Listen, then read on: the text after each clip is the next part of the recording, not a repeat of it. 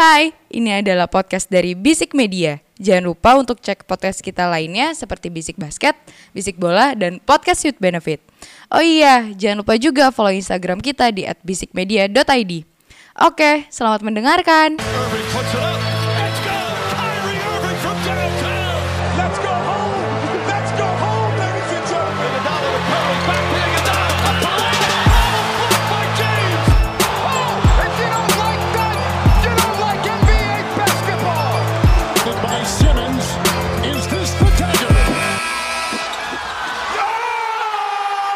Podcast mingguan Bisik Basket, podcast putar basket NBA dan juga dalam negeri yang dibahas secara santai sebagai pecandu basket. Candu, candu, candu. Seperti biasa di Senin malam bareng sama gue Dimas Yoda Eke Dimsu dan udah ada Ramzi Alam Eke Duzi Peke Kome Eke RMJ Eke Jontor jeger jeger jeger. Boom, boom, boom. Wah, masih Bang, ada. waduh, waduh, udah lama, udah lama, udah lama. Udah lama. Udah lama nih. Diubah jargon gua. Karena yang terakhirnya kita online, Oke. jadinya agak curu suruh harus kayak Iya. chemistry lagi kali ya. Mm-mm. Dan udah ada Mas Didi. Apa kabar Mas Didi? Yo, up, what up. Thank you, thank you, sehat, sehat, sehat. Eh, eh, gimana nih kalian? Kita semuanya udah kerja juga kan emangnya. Selalu bridgingnya harus kerja. Soalnya ada hari Senin kan, pasti kan biasanya nuansanya kan fucked up banget gitu loh, letih banget awal minggu gitu. Ada yang udah dipan tapi bukan partai. bah bahaya banget. Ada yang udah dipan tapi bukan partai. Apa tuh, nggak tahu gue. Alah. Alah, Di pan ini, Zuzuzu. Ya elah. Oke seperti ya, seperti biasa ya kita bahas eh, review NBA segame eh seminggu terakhir. Yoi, yoi. Sebenarnya ini kita juga ngebahasnya juga yang tadi pagi dan juga yang kemarin kita bahas di preview ya, ya. Yoi. Eh, kita masuk aja langsung di Boston Celtics melawan Milwaukee Bucks. Mm-mm. 122-113. Eh, Zi, nih ke- ini kalau kemarin kita ngebahas Boston karena dia lagi di papan bawah kan. Ya, Terlebih juga Milwaukee Bucks seakan-akan kalau kita meminjam kata-katanya Mas Didi beberapa episode yang lalu, Hmm? eh, championship hangover. Yoi, katanya, yoi, ya yoi, kan? yoi, Nah, yoi. menurut lo gimana? Eh, dua-duanya bapok nih di peringkat 11 dan 12 di wilayah timur. Nih emang udah apa ibaratnya tuh palanya kondean kali ya mereka ya. Sumpah. Dan kalau gue sih ngeliatnya dari Milwaukee Bucks ini sebenarnya apa ya dari segi permainannya gameplaynya udah mulai kebaca feeling gua karena di di game ini nggak ada Yanis nggak ada Middleton dan kalau boleh gua kutip dari pemain di IBL ya no Yanis no party bos Ya. gitu. Jadi eh, mereka kelihatan banget undersize-nya. Ditambah juga Brook Lopez lagi nggak ada kan. Jadi ya pemain gedenya cuma bergantung sama Bobby Portis. Dan untungnya Bobby Portis masih bisa nih di situ. Seenggaknya cuman udah 22 poin which is really good gitu loh dari seorang Bobby Portis yang kita lihat siapa sih Bobby Portis gitu Ya. kan. Tapi emang kelihatan banget dari eh, bukti bahwa mereka tuh undersize banget. Itu dari total reboundnya tuh kalah jauh banget Iya. sih dari dari Boston sendiri juga mereka cukup kuat di bawah. Ada Robert Williams III, terus juga ada si Al Horford juga. Ditambah ya maksud gua walaupun minus Jalen Brown ya, seenggaknya mereka gua nggak tahu nih kalau misalnya seandainya nih mereka semua sehat, kedua tim ini sehat gitu ya. Ada Jalen Brown, ada Giannis, ada Chris Middleton. Ini ada bakal beda banget sih intinya gamenya. Iya makanya ya Celtics pun sendiri kayaknya hanya kekurangan Jalen Brown aja ya. Even Jason Tatum pun juga main gitu. Mm-mm. Tapi dari gaya bermainnya sendiri gue agak-agak agak-agak aneh juga gitu. Kalau misalnya lu ber- eh, bermain ngelihatnya dari Celticsnya sendiri gitu ya, Iya. nggak ada flow ball apa skema permainan yang passing atau apa pun kayak lu pasti akan habis sendiri gitu loh. Gue ngelihatnya sini menarik banget Jason Tatum tuh hanya satu assist gitu. Iya. Lu iya. lu bermain apa gitu? Maksudnya lu hanya main sendiri doang gitu. Menurut lu gimana Mas Didi? Ya kan Jason Tatum ini eh, bisa dibilang the Closer. closest one, the closest one to Kobe Bryant lah kalau Iya, sekarang. bisa. Ya nggak sih maksud gue? Hanya karena dia pernah workout bareng aja. Iya. Nggak tapi maksud gue secara apa ya, secara skill set, secara size Jason Tatum ya cukup-cukup mirip gitu lah sama Kobe dan gue sih ngelihatnya Hmm?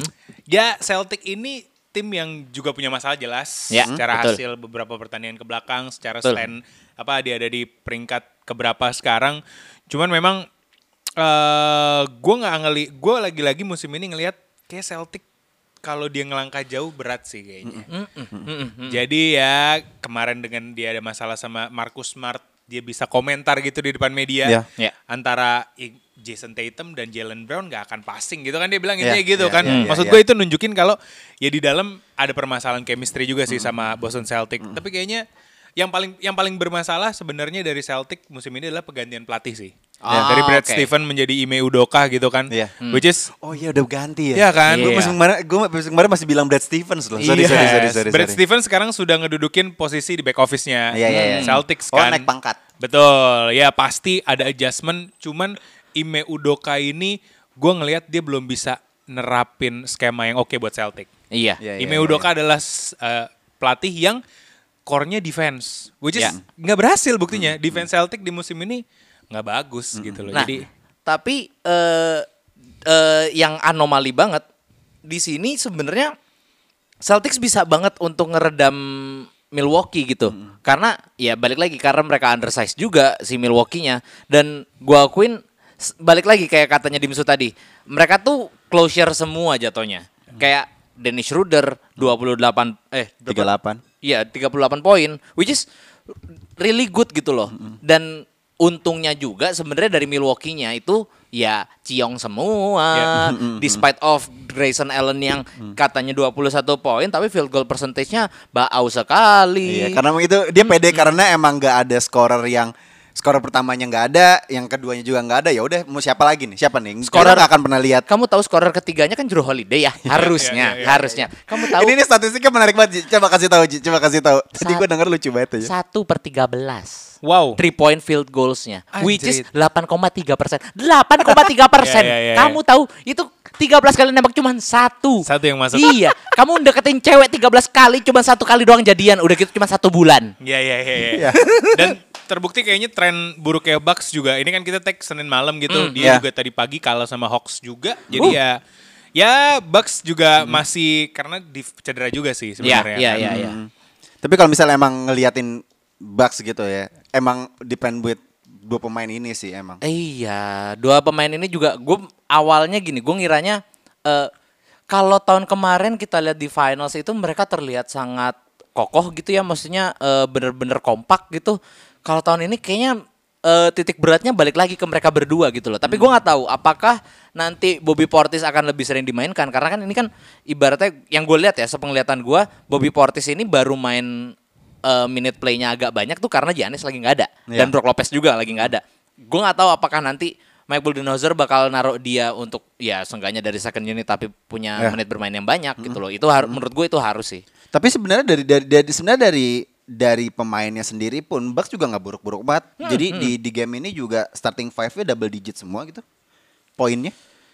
Jadi menurut gue juga sebenarnya mereka punya potensi untuk walaupun nggak ada Middleton dan juga Giannis, mestinya mereka juga bisa bersaing at least Betul. di papan tengah lah, nggak jangan sampai Betul. bawah banget gitu ya loh. itu aja udah terbukti dari mereka sampai- akhirnya sampai overtime gitu loh dan mereka awalnya ketinggalan kan. Dan ya menurut gue ya emang bisa bersaing tapi kayaknya titik beratnya ya X factornya masih ada di dua pemain itu. Ya, ya, we'll see lah untuk, uh, Boston dan Milwaukee. Oke, di game selanjutnya ada Charlotte Hornets melawan Golden State, Mas Didi. Nih uh, ke- kekalahan kedua ya untuk Golden State Ya, ya. intinya Didi tuh bakal datang ke sini kalau misal buat ngecengin doang udah. Nggak apa-apa, gue pengen dengerin dulu Oh, iya, aja, iya. dengerin kan oke. konten kalau ngecein tetap jadi konten kita. Tapi tapi Materi. nggak tapi nggak gue gua gua gini mungkin terlalu cepat kalau bilang Golden State Warrior adalah salah satu kontender buat championship di musim ini gitu loh. iya, Tapi iya. dengan udah dia kalau nggak salah dengan rekor kekala dengan kekalahan Charlotte dia tuh 10-2 kalau nggak salah rekornya gitu kan. Gua ngelihatnya eh seneng banget Golden State bisa nunjukin performance yang oke nih di awal musim ini di awal-awal musim ini gitu loh. Dan gue jadi gue jadi seneng aja gini. Jadi kayak Golden State akhirnya jadi tim yang layak untuk tayang di TV nasional lagi gitu loh. Iya dong. Ya, ya, ya, ya, ya. Maksud gue gue gue jujur, gue sangat ngikutin pertandingan Golden State kecuali tadi pagi karena mainnya jam 7. Which is Yeah. gue kayak aduh, lagi siap-siap segala macam. Ya, ya, ya, ya. Gue nonton, wah, ini emang enak banget nonton dan Hmm. dan Stephen Curry fucking crazy man. Oh ya, ya, ya, ya. Dia 50 yang kemarin 50 poin Iya. ya kan? 50 poin dengan field goal 3 point di atas 50% dan oh gue baca di gue baca gue lupa. Gue baca di salah satu Instagram atau di sosmed. Pokoknya dengan Stephen Curry sit out sepanjang musim kemarin, ya kan Stephen Curry sit out abis kan musim Iya. kemarin dia nggak main sama sekali, itu sebenarnya jadi momentum yang pas buat Curry. Jadi dia Ya. bener-bener recharge tenaganya, dia pertajam skillnya, fisiknya dia kuatin. Lo lihat musim ini, gitu loh maksud gua. Makanya gue gue sorry, gue ngelihatnya adalah Steph Curry ini udahlah dia bakal menjadi anonymous MVP lagi sih buat gue musim ini sih. Lawannya cuman Kevin Durant aja sih. Tapi nggak tahu ya, maksudnya eh, ada di beberapa game dia kadang-kadang suka off. Iya. Contohnya di game ini, maksudnya yang lawan Man off aja dia double double, main 24 poin 10 assist. tetap aja kamu lihat 3 point percentage berapa? Ya bener-bener. bener. 3 point percentage 3 per 13. Ayo. Oke, oke. Stephen Nah. Curry ini eh, hidup dan matinya dari 3 point sih menurut gue. Iya, gitu. Meskipun meskipun dia ketika bermain dia bisa lah, maksudnya dia lay up, dia ngedrive segala macem Hmm, dan tapi maksud gue ketika 3 pointnya dia Off banget. off banget Mm-mm. itu berat sih sebenarnya Stephen Iya. Curry. Tapi menurut gue Golden State ini udah lengkap timnya. Iya, Iya. iya, iya Iya. betul. Tinggal gimana Steve Kerr benar-benar bisa maintain timnya untuk bisa tetap konsisten Hmm. dan ini belum ada yang cedera nih di Golden State nih. Ya. Iya. Ya kan Ah. kecuali Clay nanti Clay akhirnya belum belum balik. Clay katanya Desember main. Ya, Oke. Katanya Clay sebelum Desember. Christmas game lah. Iya sebelum Ya. Christmas game dia udah main. Tapi maksud gue, gue berharap semua pemain yang ada di Golden State itu sehat sih buat bisa konsisten gitu loh. Konsisten masuk TV nasional gitu kan. Balik lagi maksudnya the best uh, skill in entire sport adalah availability man. Yes, Iya. yes betul. Iya, iya, iya, Setuju. iya, benar-benar. Nah, Golden State ya. availability-nya lagi tinggi hari Ya, ini. nah kalau menurut lu apa faktor yang bikin Hornet bisa bisa ngalahin Golden State yang performa lagi bagus ini? Tadi gue ngelihat eh, Golden eh sorry Charlotte Hornet bermain defense yang cukup oke ya, bahkan Iya, sempat ada di range 4 menit itu Hornet berhasil apa eh, me- melakukan defense yang oke di mana di 4 menit itu Golden State cuman bikin 4 poin which is Oke. itu kan sampel size kecil tapi mungkin bisa menjadi gambaran secara keseluruhan di game itu gitu Iya, loh. iya. Bisa nunjukin itu paling ya bermain defense sih. Mungkin Curry Ramzi bilang juga lagi off night. Iya, kalau gua ngelihatnya ini karena gue tadi ngeliat highlightnya ya. Jadi eh, di di crunch time-nya itu ada satu eh, jump ball. Ya. Ya kan ada Yang jump Miles ball. Bridges menang ya? Iya. Itu menurut gua wasitnya juga ngarahnya ke arah Hornets anjing gua pas ngeliat gua ngeliat di highlightnya kok ngarahnya ke Hornets Iya, gitu iya, ya. iya, Hmm, iya, iya, iya. pantes. Terus Takut juga- diambil Michael Jordan. Ya, itu dia, itu dia. Dan kalau gue lihat dari keseluruhan gamenya ya memang balik lagi Curry lagi off night, terus juga Jordan Poole juga off banget. Tapi ada satu hal yang gue senang di belakangan ini seenggaknya Kuminga udah main ya. Ya. Benar. Gitu, Kuminga udah main dan memberikan apa ya? Gue sempat ngeliat di Instagram ada beberapa highlight defense-nya si Kuminga dan menurut gue si Lamelo Ball aja nggak apa kewalahan gitu loh Iya, iya. ngelewatin dia dan menurut gue ini balik lagi buat ke depannya kayaknya buat Warriors ih serem banget coy Nah, gitu. nah, ya, ak- eh, tapi buat gue gini, oke Warriors punya momentumnya musim ini. Di, mereka baru kalah dua kali gitu. Cuman gue menelik dari gamenya game ini bahwa Charlotte Hornets tuh gimana ya?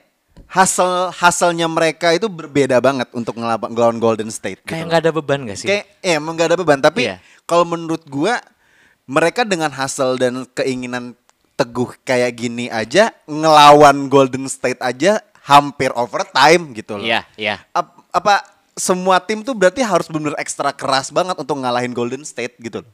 Kalau ya menurut gua, maksud gua? ya justru itu itu yang mem- membuktikan bahwa sebenarnya balik lagi tadi eh, sebelum podcast kita udah ngobrol ya kayak eh, di musim ini tuh banyak banget eh, faktor-faktor yang berubah. Kayak misalnya overtime-nya jadi lebih banyak, which is kayak analisa gua sih kayak membuktikan bahwa eh, musim ini tuh jauh lebih rata lah daripada musim-musim sebelumnya.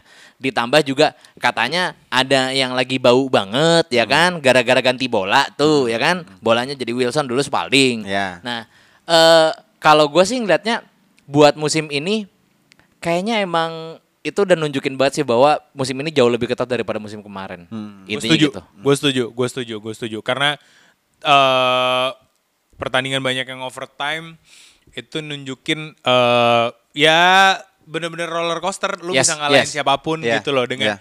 Charlotte. Charlotte nih trennya nggak bagus gitu Yeah. loh. Sebaliknya Standar dengan aja lah pertandingan- ya. Dengan pertandingan tadi ketemu Golden State yang hampir yang udah seven winning streak itu Yeah. kan nunjukin kalau oh bisa nih kayak gini ya. loh kalau pertandingan pertandingan ini Hmm. nggak ketebak juga hasilnya Ya. gitu loh dan dan kalau ngomongin soal bola Wilson eh, ada satu fakta yang menarik gitu loh jadi eh, di satu artikel dibilang bola Wilson ini mungkin buat sebagian besar pemain mempengaruhi Hmm. mempengaruhi performance mereka mempengaruhi hasil field goal dan segala macam tapi untuk beberapa pemain jadi gini, ada yang bisa dibilang pemain uh, pemain basket yang bisa dibilang ya dia pure pemain basket yang emang jago lah gitu loh Ya. maksud gua. Dia bukan dia mungkin bu- dia bukan ya mungkin dia latihan gitu tapi kayaknya dia secara apa namanya ya, secara talenta tuh emang pure gitu loh. Ya. Contoh kayak misalnya Luka. Luka iya Kevin Durant, Kevin Durant sama justru di musim ini yang menarik adalah DeMar DeRozan. Iya. Ya.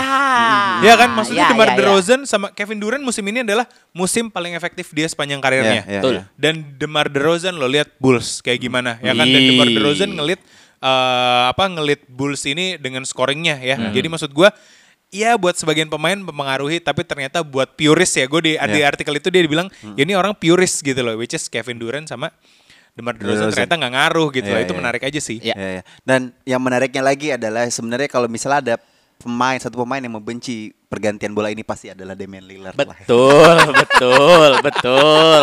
Iya. ya sangat tidak terlihat kalau musim ini ya. Wah, hilang Gua cuy. gua ngeliatin dari 1 sampai 8 di wilayah timur gitu, eh di wilayah barat gitu. Kok nggak ada Portland? Oh, hilang ternyata pemainnya lagi bau. Bau Tadi pun gitu. kalah Iya. dan Lillard nggak main. Iya, Hmm. makanya itu kayak Lagi nyobain bola. Lagi dia lagi ke pabrik Molten. Kenapa jadi Molten tiba-tiba? Orang ini nomor yang dipakai pengen Wilson. main volley. Kayaknya bisa nih. Mikasa ya. Ya udah. Sekalian Yonex sekalian. Hah? ya, oke. Saya Oke. jadi BA dong. Dia Molten. Oke, eh, eh, lanjut ke materi utamanya nih. Hmm. Ya sebenarnya ini side eh, side-nya kali. Iya, Ini ada iya. tambahan dari si Mas Didinya sendiri sini. Nih, Em, emang- ini tambahan dari Mas Didi yang di mana Iya. sebenarnya gua nggak pengen ngebahas gitu loh. Cuman dan harusnya ya pun yang ngebahas sebenarnya juga bukan Mas Didi gitu loh. Lebih Tapi ini dari keinginan pribadi di grup Bisik Basket eh, beliau ingin membahas. Jadi eh, ada fakta menarik bahwa untuk tim eh, Los Angeles eh, Purple and Gold itu Hmm, tanpa kehadiran pemain terbaiknya dia, siapa? eh, Trevor Ariza.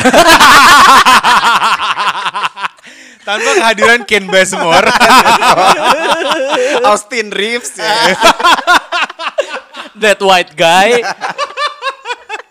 ya maksudnya eh, track recordnya dari empat pertandingan terakhir Lakers hanya kalah tiga kalah satu kali nih which is ya lumayan lah cuman gua eh to be honest gua nggak terlalu ngikutin Lakers banget karena emang gue melihatnya beberapa eh, penikmat basket tuh udah agak skeptis lah dengan Lakers lah. Mm-mm. gitu jadinya lebih beralih ya udahlah sekarang gue jadi fansnya Dubs Nation aja lah udah mana sini eh, apa namanya eh fo- apa fon, apa form buat jadi fans karbitannya bandwagonnya mana gitu loh. Nah cuman Mas Didi tadi bilang Lakers nih lagi tracknya lagi bagus nih. Menurut lu gimana Mas Didi Semu ini.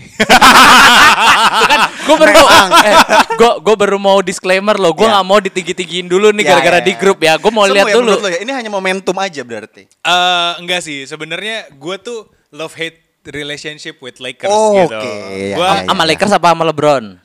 eh, kalau LeBron gue nggak suka nggak tahu sama LeBron. Iya, kalau. Lakers karena gue berpuluh-puluh tahun yang lalu gue adalah fans Kobe Bryant Yep, yang yep. 20 tahun berkarir di Lakers Oke. gitu loh. Iya, iya, iya. Tapi sejak nggak tahu ya sejak mungkin lima tahun ke belakang ketika kayaknya semua tim nggak sabar sama proses dia akhirnya bail out tim dibuang semua rekrut pemain bintang oh iya mereka asetnya bagus Iya bagus kan, banget ketika loh. ketika akhirnya mereka ngebuang Brandon Ingram, D'Angelo Russell, Julius Randle itu kan kayak anjir gue tahu loh, gue Gak tahu ada, ketika gak ada mereka Lonzo Ball di situ. Iya, Lonzo Ball nih emang ibarat kurang sih. kalau enggak tapi maksud gue kalau misalnya yang dulu aset-aset mereka masih dipertahankan, Nah. semuanya ada. Iya. Lonzo, Iya. D'Angelo Iya. Russell, B.I., Randall, senternya doang nggak ada. Iya. Iya kan? Senternya Bisa mau Wagner. beli Biel- Bielica center. nah terus maksud gue eh, Lakers sih sebenarnya masih ya tadi gue bilang semu gitu ya. Cuman gue ngelihat trennya eh, Lakers ini kebantu sama penampilan Lam- eh, Carmelo Anthony. Iya. Di mana di pertandingan yang terakhir Carmelo Anthony double double kalau nggak salah. Iya, iya. lawan Spurs tadi pagi. ya. Yes, lawan Spurs tadi pagi gitu dan gue berharap eh, Frank Vogel bisa ng- mengutilisasi Lamelo ya udah sesuai porsinya tapi bener-bener bisa jadi ngecun gitu loh. Iya, Udah iya. eh, biarin Carmelo Anthony nggak ya nggak usah jadi leadernya tapi Hmm. bener-bener gunakan dia di spot up shooter Iya. gitu loh gitu. Di Jadi- waktu yang tepat lah ya, momen yang tepat. di ya. waktu yang tepat gitu loh karena kalau sekarang Carmelo Anthony juga menjadi leader itu akan bener-bener bentrok gitu loh. Ini Hmm. aja ketolong menurut gue mungkin LeBron sit out karena cedera. Akhirnya mungkin Westbrook bisa ngeran run the Iya, team iya, gitu iya. kan. Terus Wih, Carmelo ada- Anthony nggak ada pemimpin ya nih. Iya, iya, iya. I Carmelo Anthony. shit. Carmelo Anthony udahlah selalu aja biarin eh, biarin Westbrook. Ya udah dia tahu porsinya. Ya bagus kan. Eh, Lu setuju dengan statementnya Mas Didi? Zi? Iya, soalnya kalau misalnya Carmelo juga ikutan ngelit nih ya, itu ibaratnya dalam satu wadah itu tuh udah diisi semuanya. Ya oli, ya minyak, ya air, ya apa pun semuanya udah masuk situ semua dan jadi berantakan gitu loh. Layernya jadi makin kelihatan dan menurut gua gimana ya? Kalau dibilang ini adalah semu, ya ya memang semu gitu loh. Karena buat gua kemenangan melawan eh, Heat juga nggak ada si Jimbut dan sisanya San Antonio ada siapa sih?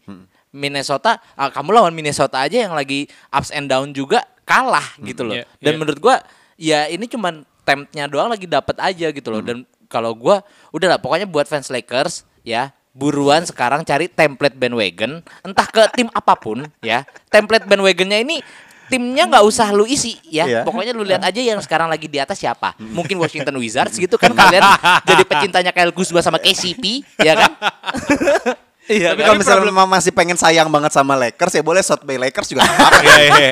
Tapi problem, problem Lakers apa? Di menurut lo apa? Menurut lo gue Second Apa sih? caur, second unitnya caur banget sumpah. Bener-bener kelihatan banget apa eh, diferensiasi dari eh, first unit kayak misalnya AD, Ra- eh, Westbrook, terus juga LeBron kalau main dan second unitnya kayak Malik Monk, Kent Bazemore, mereka tuh kayak nggak tahu ringnya di mana gitu loh. Hmm, Itu sih kalau gua ngeliatnya. defense sih menurut gue.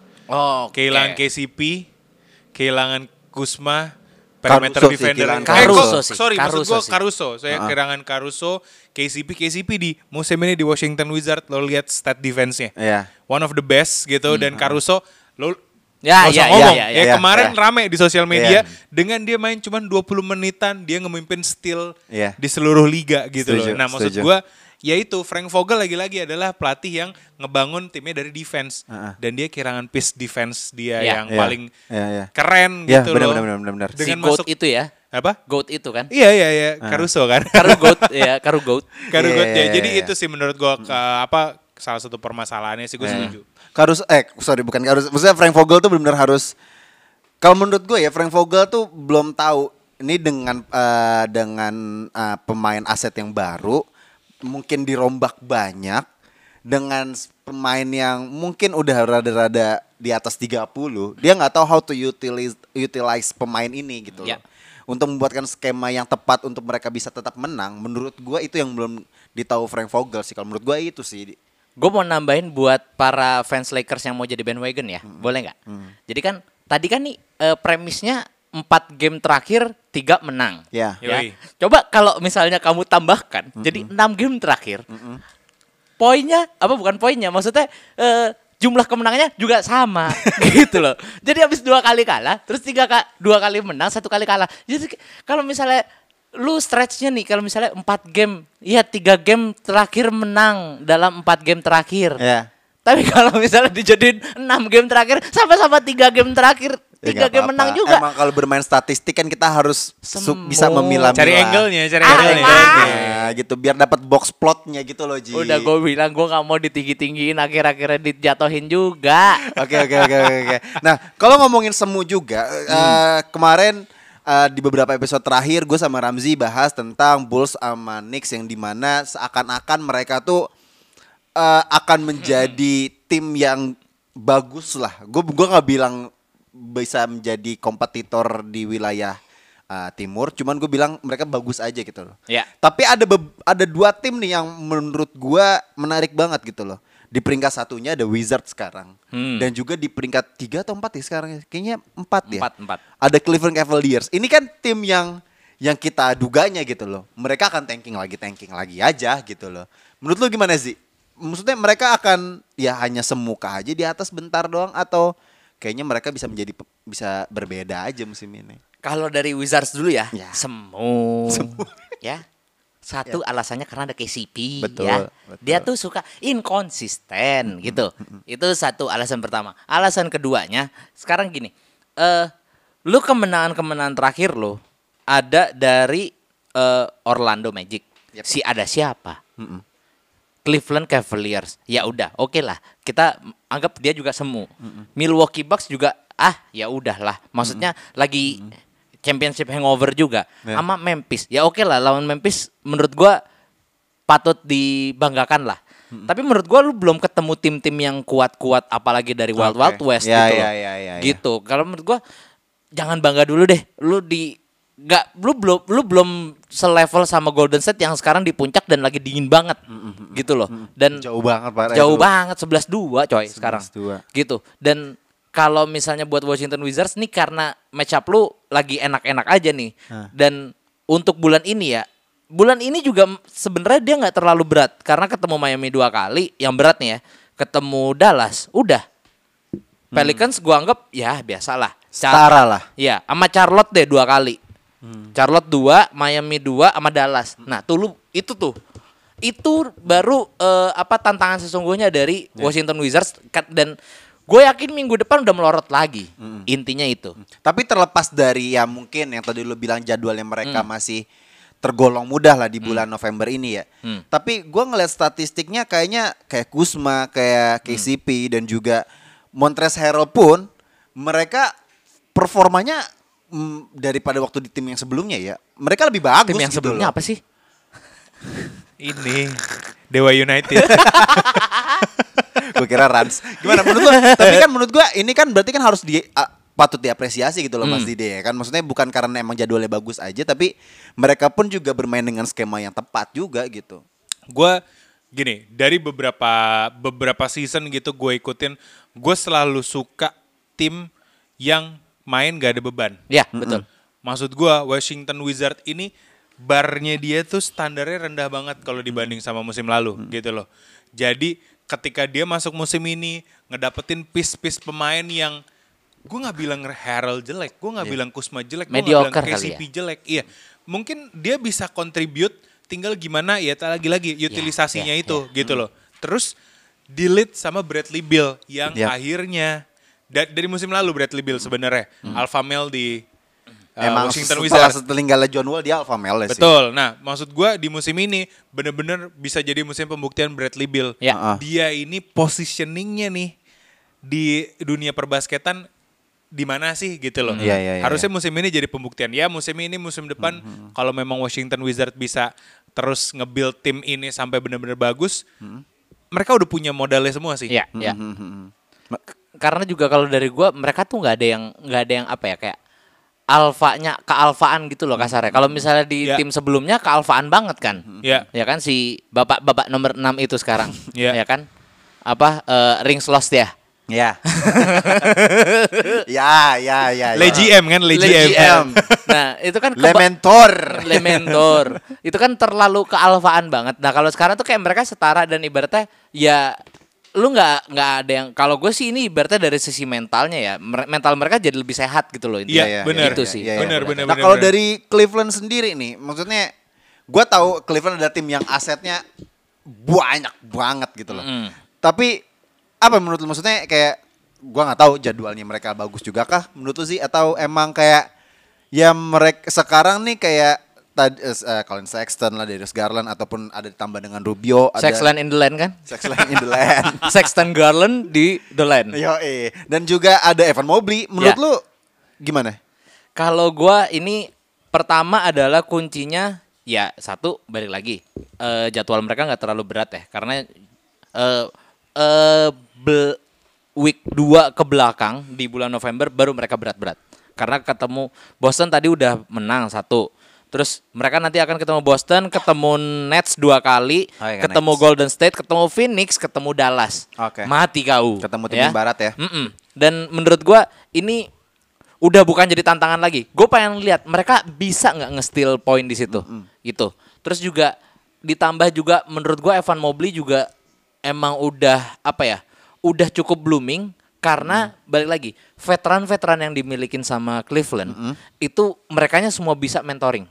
Itu yang gue lihat. Jadi ada Kevin Love, ada Ricky Rubio dan gue ya lu lihat lah eh, Kevin Love aja masih dibawa ke Olimpiade, Ricky Rubio masih mentereng di Olimpiade. Dan menurut gue ini eh, modal yang sangat bagus banget. Apalagi Ricky Rubio sempat eh, career high kalau nggak salah beberapa minggu Iya, kemarin 38 ya. poin. Heeh, dan itu ini nunjukin banget bahwa sebenarnya mereka tuh balik lagi kayak Wizards juga nggak ada beban dan ya udah ketemu mentornya juga pas gitu. Nih, loh. menarik nih berarti emang benar-benar Wizards sama Cleveland ini tim yang sebenarnya ya palingan tanking nggak berharap ya playoff ya ya udahlah puji Tuhan lah kalau misalnya dapat playoff gitu loh. Tapi intinya posisi mereka semu. Ah, Iya, terutama Cleveland sih. Un- keun- diuntungin banget sama jadwal ya ternyata Iya, Cleveland iya, ya. iya, iya. Kita lihat eh, jadwal November yang cukup berat inilah.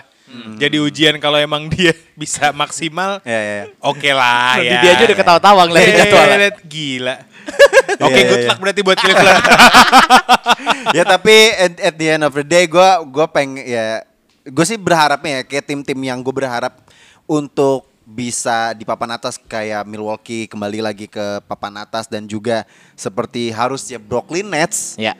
Gue gue menarik sih mereka harus harusnya sih bisa di atas cuman kayak dengan beberapa performanya mereka akhir-akhir ini gue juga jadi kayak skeptis juga gitu Ya. Apalagi kalau buat Cleveland ini mungkin bisa jadi eh, apa ya? Batu loncatan pertama mereka untuk keluar dari bayang-bayang LeBron. Karena menurut gua dengan adanya Kevin Love, dengan adanya Ricky Rubio itu mereka udah cukup oke lah. Ibaratnya waktu itu hit tuh untuk nemuin tim yang kayak sekarang, ketemu ada Jimbut itu nggak dalam waktu yang dekat gitu loh, nggak dalam waktu yang singkat. Dan menurut gua ini adalah kickstart dari mereka untuk mem- membangun dinasti mereka sendiri tanpa LeBron gitu Iya, sih. iya. Terlepas dari bikin dinasti ataupun dengan uh, performanya mereka akhir-akhir ini ya, Mm. tetap aja mereka tim semua market ya. Kita masuk preview eh, di preview pertama ini di Oke. hari Selasa ya pastinya nanti game ini akan udah main ya, Ya. setelah eh, podcast, Podcast ini ini naik, naik, ya. gitu loh, episode ini naik. Di game pertama di hari Selasa ada Los Angeles Lakers melawan Chicago Bulls. Mas Didi dulu. Win for Chicago Bulls. Oke. Ramzi? Gua ya masih nanya. Ya Chicago Bulls lah. Caruso tuh di hati gua, nggak Iya. bisa. Kamu udah mencampakkan Caruso aku, ya. Menurut gua, nih Caruso bakal menunjukkan kayak, nih lo gua tuh sebenarnya worth it untuk main di Hollywood Iya, gitu loh. iya, iya, iya, gitu iya. loh dan lu kelihatan banget deh ibaratnya nih gue yakin banget nih Melo dia diobrak-abrik sama Caruso. Ya ya ya. Itu sih dan apa ya? Gue ngeliatnya Zach Levine juga. Tadi gue liat bener-bener pas lawan Clippers, ih gahar banget Zach Iya, iya, Levine iya, loh, iya, iya. bener-bener dan Iya. bukan bukan catch and shoot tipikalnya gitu loh. Dan dia tuh tipikal shootingnya tuh kayak kayak Redick. Jadi agak swinging swinging gimana gitu. Dan Catch ini and shoot tapi nggak balance gitu. ya. Iya, dan itu menurut gua ini jarang banget ada pemain yang kayak gini. Dan menurut gua eh, ditambah koordinasi timnya juga lagi bagus, temp juga lagi bagus, menurut gua udah fix banget Bulls sih. Tapi menarik eh, ngelihat eh, apa yang akan Bulls lakukan dengan AD di Nah, paint iya, iya, areanya iya, iya, iya, iya. Bulls gitu loh maksud gua karena nggak ada nggak akan ada ya nggak tahu ya Vucevic. Gue nggak bilang dia bagus secara defense ya maksud gue ya gitu. Jadi dengan AD yang kalau sehat AD adalah top 3 player mungkin di NBA Iya. sekarang gitu loh. Apa yang Setuju, akan dilakukan setuju. sama Bulls ini menarik karena nggak ada predator resminya buat AD lah.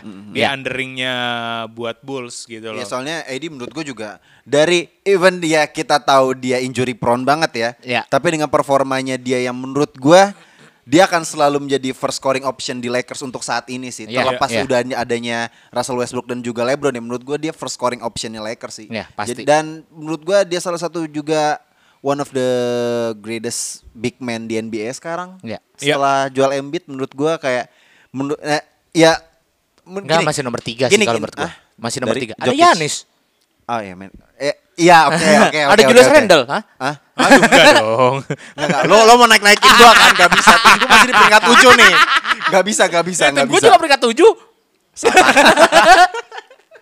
Tapi gini, buat gua sendiri adalah emang ini arahnya untuk ke ke Bulls sih karena gua Ah. melihatnya di di backcourtnya mereka tuh dominan banget lah dengan Hmm. dengan empat player di parameter buat gue ini ngeri banget sih Bulls Iya. sih. Cuman eh, balik lagi di game ini sih gue ada sedikit kemungkinan ke Lakers. Mm. Karena gue mengingat tadi Mas Dede bilang di paint areanya di low post menurut gue AD akan dominan banget dan juga gue melihatnya gini kalau misalnya Bulls gitu ya defense-nya itu ya terlepas dari si eh, Caruso emang still leadernya bagus banget ya dan passingnya si Lonzo bagus gitu loh skema permainan tuh asik banget gitu loh Ya. Iya, iya. cuman buat gua kalau misalnya udah set play nggak nggak nggak nggak terlalu terlihat bagus ya gitu Bulls Eh kalau gue boleh nambahin juga nih, kenapa kayaknya bakal ke Bulls? Kayaknya dari tadi kita udah setuju banget kalau misalnya defense itu bakal wins the game ya. Eh, Bulls ini di peringkat 4 untuk defense-nya. Ibaratnya eh, mereka memberikan poin untuk tim lawannya itu tuh di peringkat 4. Sedangkan Lakers tuh oh menurut gua- opponents point ya Iya. Ya. Menurut gua ini udah dengan kondisinya Lakers juga menurut gua dari kemarin kayaknya nggak terlalu high scoring nggak high scoring ya maksudnya scoringnya low low banget Yep, gitu yep, loh dan yep. kayak menangnya tipis-tipis aja gitu. Ini menurut gua udah bahaya banget sih Iya, iya, buat iya. Lakers. Mm, mm, mm. Tapi nggak tahu hati kecil gua sih. Gak bilang tetap like bisa. Tipis Bisa, bisa. mungkin overtime lagi. Ah, overtime lagi. sih, Karena sih. Lakers selalu overtime kan. Iya sih. Banyak overtime-nya gitu. Dan juga menurut gua DeMar DeRozan akan menjadi makanan empuk bagi Anthony Davis di saat dia defense gitu. Iya, sih, iya, sih. iya. Oke, eh, di game kedua ada di hari Rabu ada Brooklyn Nets melawan Golden State. Nah, ini dia nih. Ramzi. Aduh berat cuk. Iya, Berat cuk, iya berat kan? banget nih. Iya kan? Berat banget masalahnya. Iya kan? eh dari Brooklyn Nets udah punya KD, dari Golden State udah defense-nya juga udah mulai membaik.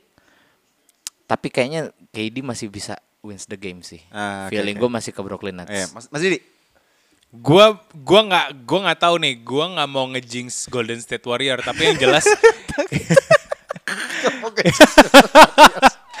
ini kayaknya tuh Golden State harus wah banget gitu loh. Iya. Hati-hati banget gitu loh. Iya, iya, ini iya. akan jadi ini akan jadi pertandingan yang menarik, match up yang menarik gitu. Eh, ngelihat track recordnya gua eh, Golden State main berarti jeda sehari berarti ya Golden Iya. State ya. Hmm. Eh, akan menarik sih buat Golden State eh, dengan mereka bisa istirahat sehari harusnya lebih lebih fresh ya, lebih fit ya. Dan kayaknya kuncinya Golden State justru ada di Andrew Wiggins. Andrew Wiggins Oh, di musim ya? ini Oke. di musim ini Andrew Wiggins nunjukin defense reliability yang oke banget sih gitu loh dan kayaknya dia bisa juga nunjukin gue mampu ngejagain Durant di Iya, sini. iya, iya. Mungkin Dan- ah, ya, kalau gue boleh sih? nambahin nih, justru eh, kayaknya gue tahu kenapa Steve Kerr mainin Kuminga dari eh, beberapa minggu ini, belakangan ini. Maksudnya dari minggu ini udah main gitu ya. Kayaknya karena disiapin untuk nih tantangan terberatnya adalah nanti akan ngejaga KD. Oh gitu. Ini ini Gitu. kayak imajinasi lo yang Ah, iya, karena menurut gua siapa yang bakal ngejagain KD kalau bukan Kuminga menurut gua. Wiggins menurut gua ya oke lah, tapi dia tetap undersize gitu loh. Dan Kuminga gue lihat dari segi apa ya, maksudnya eh, kelincahannya juga mirip-mirip lah sama KD untuk di untuk di defense ya. Untuk offense gue belum belum terlalu ngeliatin Kuminga banget gitu. Eh, cuman kayaknya ini akan menjadi jawaban. Ko- Pokoknya kalau misalnya Kuminga di sini bisa nge-shutdown KD, dia bakal bisa eh, apa mencuat lah di rookie leader. Iya. Ah, menarik nih ngomongin Andrew Wiggins ya. Gue melihatnya emang dia tuh em, gimana ya? Eh, Kalau kalau dia seakan-akan tuh kayak terlahir kembali gitu loh. Iya, iya, Kalau iya. dulu kita ngeliatnya di Minnesota ya hanya belasan poin per game dan dia first overall pick gitu loh. Ekspektasi Yes, yes. orang terhadap dia tuh tinggi banget gitu. loh. Yes. Kasian dia tuh. Iya. Masih dibawa-bawa ini first overall pick, first overall pick gitu loh. LeBron gak membutuhkan dia gitu loh. Kan dia jadi tukerannya untuk Kevin Love ke Cleveland kan? Mm-mm, mm-mm. betul betul betul. iya, betul. maksudnya kayak dia seakan-akan dibuang tidak dibutuhkan untuk first overall orang-orang kan Kyrie. Iya, iya. Tapi buat gua dia datang dengan datang eh, ke Golden State gitu, menunjukin musim ini yang tadi masih dibilang sedikit membaik. Buat gua ini kayak kayak Golden State tuh lagi dapat semua momentumnya gitu loh untuk semua Iya. pemainnya Gary Payton dan Jordan Iya, Poole iya, iya, bagus. iya, iya. Terus kemudian Andrew Wiggins blooming, Kuminga juga bisa menunjukkan dirinya dia. Terlepas dia belum ada Clay Thompson dan juga James Wiseman main juga ya. iya, iya, iya. Buat gua kayak kita udah ngelihat Golden State semengerikan ini, gimana nanti senternya dan shooting guardnya yang terbaiknya dia muncul gitu. Iya, Betul, Jadi betul. menurut gua kayaknya terlepas dari Golden Net, Gold apa Brooklyn Nets juga sendiri lagi ya fluktuatif. Belum sih vaksin gua juga, heeh. Golden State sih yang bakal menangkan game ini ya. Iya. Karena gue melihatnya eh, Andrew Wiggins juga udah agak lepas ya. Karena abis ngeposterize temennya kan kalau Anthony Towns Ah, kemarin. Hai. jatuhnya jatuhnya dia tuh kayak ini tahu kayak Gordon Hayward di Charlotte. Hah? Menurut Kenapa? gua udah mulai agak-agak kayak udah mulai lempeng lagi gitu Iya, loh. gitu, udah, udah. udah lepas dari apa bayang-bayang first pick first pick kan segala macam iya, itu. Iya, ibaratnya ya ini gue yang sesungguhnya Iya, gitu iya. loh. Jadi kayak masa kelam gue udah lewat. Iya, betul. Terakhir di hari Eh, Mas Jumat- Didi belum ini, belum Mas Didi kan Golden State tadi kan? Oh, lu Golden State. Oh, Golden Gue State. gak Oke. mau ngejinx, gak ada. Oh ya udah. Enggak takut. Gak mau ngejinx gue. Pengen ya udahlah cukup untuk pekan ini eh, sampai pekan depan tuh dua, dua kali kalah aja. Terakhir ada Miami Heat melawan Washington Wizards. Mas Didi. Ini match up lagi-lagi. Ini match up yang menarik. Gue nggak tahu nih NBA kok bisa ya ngaturin jadwal yang terus menarik setiap hari. Gitu Lo. GM? Iya iya iya. iya. Lo GM? Iya gak sih? Maksud gue ini kayak tadi Golden State Charlotte. Oke lah Charlotte tim biasa aja. Tapi maksud gue selalu ada spotlight yang bisa lu tonton gitu Yes, loh. yes, gitu yes. loh. Nah terus sama kayak Mi- Miami Heat lawan Washington Wizard. Eh mau Jimbat udah main belum? Morris udah main belum? Gak Ah, tahu ya. Kalau setahu gue suspensionnya si Jimmy Butler cuma sekali. Kalau yang Marcus eh, si Morris dua. Morris Sama dua. dia didendakan. Ya, didenda. Ya gue berharap Kusma jago lah di pertandingan ini biar Washington Wizard menang. Kenapa? Masalahnya apa? Si, si, si, si. Nah, ini fix ngejinx nih yang ini. yang ini fix ngejinx. Si, si, nih. si, si, si. Menurut gua, aduh. Ya, ya, ya. Kamu tahu Kyle Kuzma itu bentukannya kayak apa? Warnanya hijau, biasanya kotak, ada tutupnya gitu loh. Garbage, sampah. Apalagi kayak CP gua. trash can aja, Iya, trash can. Dan kalau buat gua di sini ini udahlah J- apa eh, Miami Heat udah mempunyai calon six man of the year tahun ini yang Yap. bernama Tyler Hero. Menurut gua udahlah, udahlah Miami Heat all the way. Miami Heat all the way. Ah, ah, ya, kalau buat game ini gue gue bingung juga ya karena Washington juga punya momentumnya dan Miami juga. Gue malah nggak melihat Tyler Hero sih. Gue melihatnya Kyle Lowry-nya bro. Hmm, hmm, hmm. Starting dari starting Kyle Lowry gini. Kyle Lowry adalah pemain yang gua nggak perlu dapat spotlight. Yes, yes, Tapi yes, tim yes, ini yes. menang. Yes, yes, yes. Gitu loh. Dan dua dan gitu. mentalitasnya dua-duanya sama kayak Jimbut. Apa? Mentalitasnya sama kayak Jimbut gitu Iya, loh, ngerti gak sih? terlepas dari mungkin chemistry-nya ya kita nggak tahu seperti apa gitu. Iya. Cuman gue melihatnya, oke gue tahu nih eh, di tim ini udah ada Jimmy Butler sebagai wajah dari tim ini gitu loh.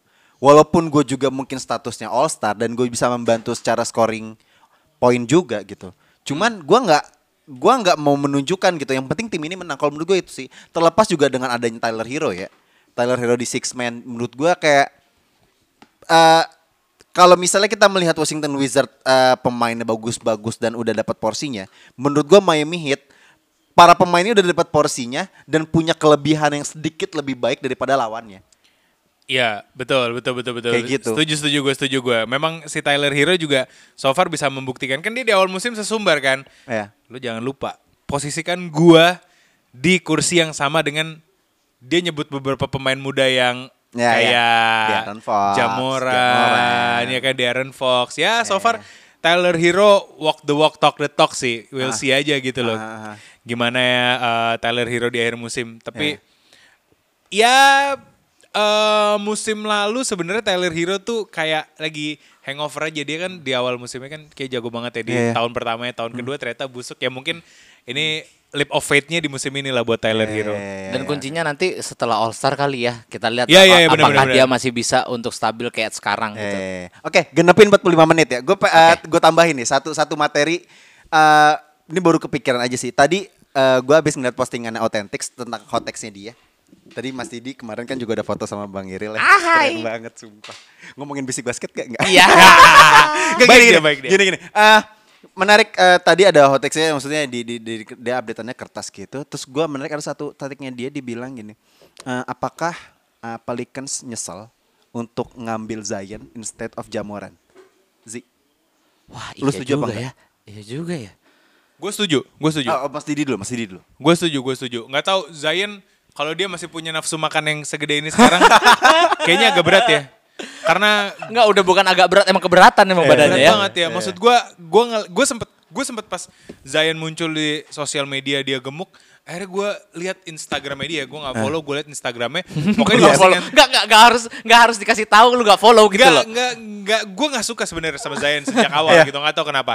Terus pas gue lihat postingan terakhirnya, dia itu jadi bre- eh, iklan Mountain Dew. Hmm. dia Ah, main, oke. dia main, dia duduk di kursi gaming gitu, dia duduk di sofa main game. Itu udah gemuk banget anjir. Ya.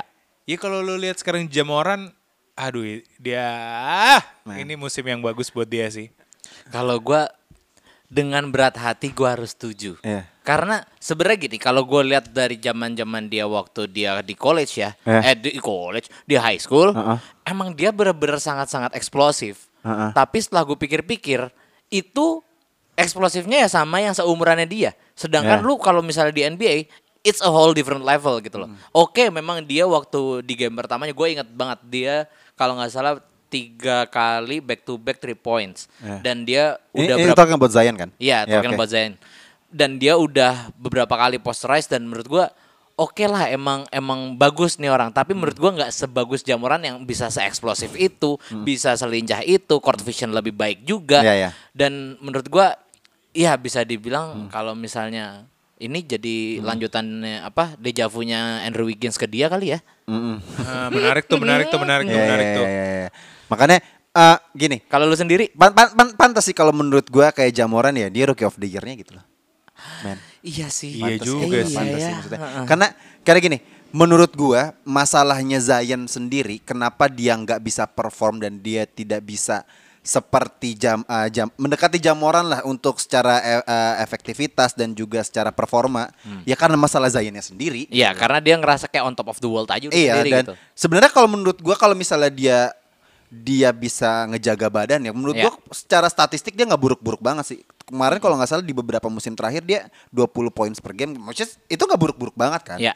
Tapi kan tim ini kan Pelicans kan membutuhkan sekedar hanya standar standar biasa aja 20 poin per game tapi harus kayak sosok jamoran yang se- ibaratnya se-saviornya gitu loh. Iya. Menurut gue itu sih. Jadi kayak ya masalahnya sih desainnya sendiri dia nggak bisa menjaga badan dan jadinya dia uh, jadi injury prone. Iya, iya, itu iya, betul, betul. Keberatan badan. Tapi ya menurut gua kayak ya Jamoran punya mentalitas yang di mana menurut gua Zion nggak punya sih. Iya, itu dia. Iya. He's taking a lead team, dia bisa bermain proper, dia bisa dia nggak ada rasa takutnya, dia fearless banget untuk bermain di NBA. Menurut gua kayak Zion juga berani, cuman buat gua kayak dia agak sedikit riskan lah badannya. Jadinya itu nggak bisa keluar semuanya potensinya dia yang terbaik gitu. Kalau lu bilang dari kalau Zion itu dari badannya, justru sebenarnya yang gua lihat si siapa namanya Eh, Jamoran itu juga menurut gua injury prone dari cara mainnya.